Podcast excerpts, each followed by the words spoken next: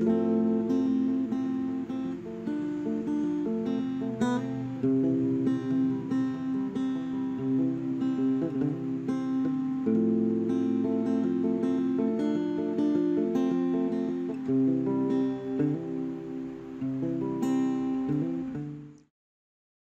jejalanan, jangan mengeluh, karena tapaknya yang tak pernah bosan menjejakimu.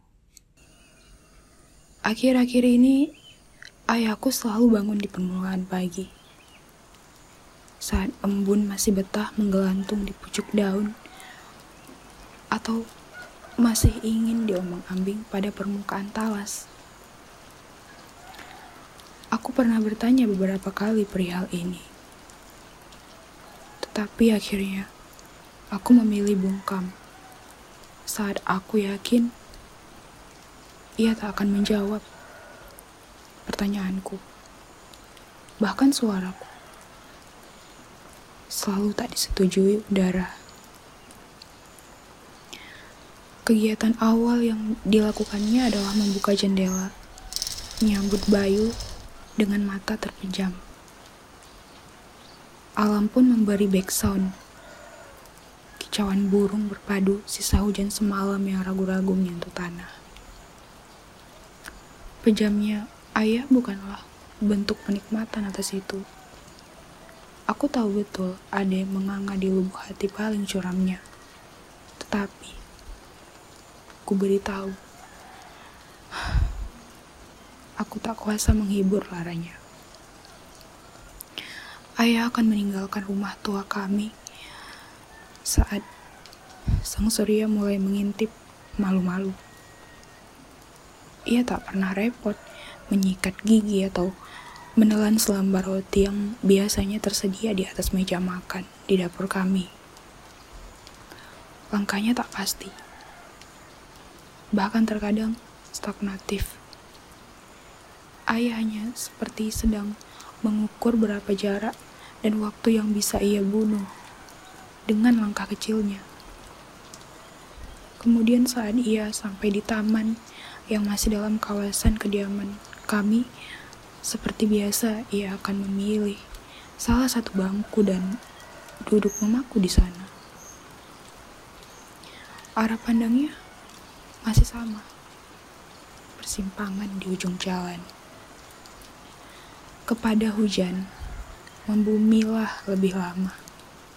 Jangan sekejam itu untuk membuat air matanya mengalir sendirian. Aku duduk di samping ayah. Selalu. Namun tak pernah ada percakapan di antara kami. Aku tahu ayah sedang menunggu seseorang datang dari ujung persimpangan yang menjadi fokusnya. Sama seperti saat ia menungguku pulang beberapa minggu lalu. Ini adalah November dan biasanya hujan akan menemani penantian absurd ini. Selain udara, aku sadar hujan juga turut mempermainkanku. Aku tak masalah dengan itu.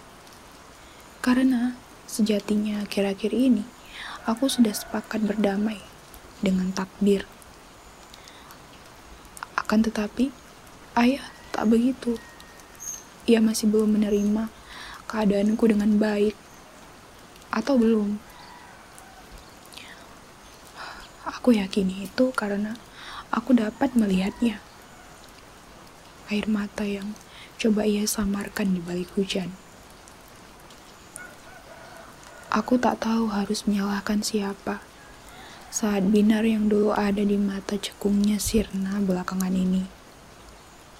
Aku sungguh tak mengerti mengapa ayah bisa serapu ini. Kepada angin, jangan terlalu bersemangat.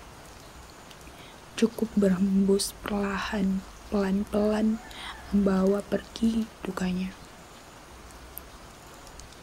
Biasanya ayah hanya akan bertahan dalam posisi ini, kemudian pulang ketika petang memerintah. Namun hari ini ada yang berbeda. Ayah menjadi ambigu, atau mungkin aku saja yang menganggapnya terlalu saru. Di penghujung senja, yang basah, ayah beranjak dari duduknya. Pandangannya masih tanpa jiwa. Aku bisa percaya ayah masih bernyawa hanya karena hela nafasnya. Ayah bergerak menyusuri taman hingga sampai di persimpangan itu. Ia berhenti sejenak di sana. Kemudian seperti memikul beban jutaan kilo langkahnya berbelok ke kanan. Sepanjang jalan aku bisa melihat ayah yang tengah membenahi hatinya. Takut bagian yang retak bisa sekejap menjadi serpihan saat ia tiba di tempat yang ditujunya. Aku yakin angin kali ini berhasil menampar ayah, mengembalikan kesadaran normalnya. Kami sampai di tempat yang ayah tuju, tepat saat hujan beranjak, meninggalkan petrikor yang pekat. Ayah melangkah hati-hati menuju satu gundukan tanah yang masih basah, sebab hujan barusan. Tubuhnya luruh seketika bersamaan dengan beban tak kasat mata yang seperti menguap entah ke mana. Dari belakang, aku lihat baunya berguncang. Kemudian sayup-sayup, aku bisa menangkap isapnya.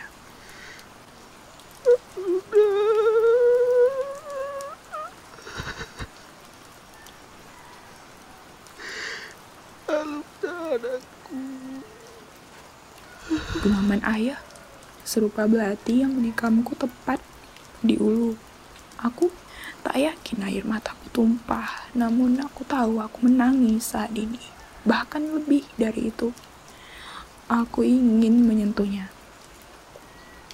Berkata bahwa aku akan baik-baik saja jika ia juga melakukan hal yang sama. Namun, namaku yang tertera pada nisan itu membuyarkan segalanya. Apa harus kau nak?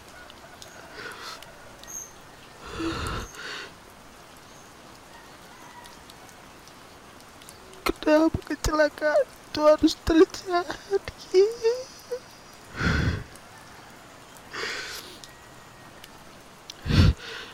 Ayah masih setia menunggumu, tapi tapi kenapa kau tidak pulang, nak? Ayah kehilangan kendali. Melihat ini aku mati sekali lagi. Aku mencoba berterima dengan alus semesta. Maka aku hanya bisa meringis. Memandang punggung rapuhnya.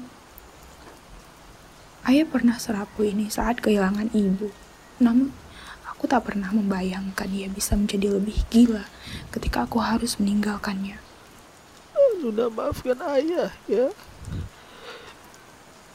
Maafkan ayah. Aku yang harusnya katakan itu ya. Apa Luna bisa melihat gimana hancurnya ayah? Beberapa minggu terakhir aku selalu di sisimu.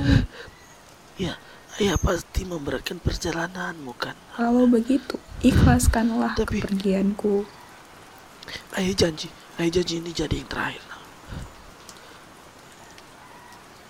Eh, maafkan ayah begitu lama untuk menerima semua ini.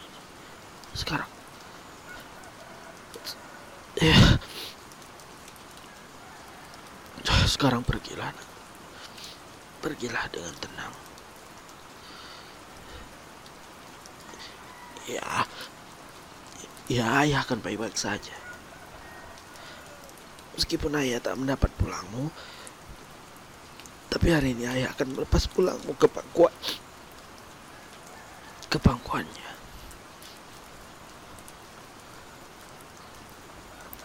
Kepada rumput yang masih setia pada akar, kepada daun yang masih setia pada tangkai, atau yang telah memilih tanah, rekamlah ini dan ingatkan kembali pada ayahku jika ia lupa. Aku benar tak ingin lagi ada lara di pundaknya. Ayah mengambil segenggam tanah, lalu menggabungkannya lagi pada gundukan di depannya. Aku anggap itu bentuk pemakaman atas duka. Ayah masih menangis. Tak apa. Setidaknya aku telah mendapat lagi kehidupan dalam netranya. Ayah telah menjemput ikhlasnya.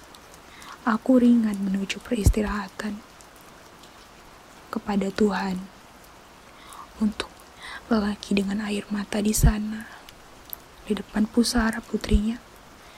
Berikanlah ia kuat yang lebih dari sebelumnya.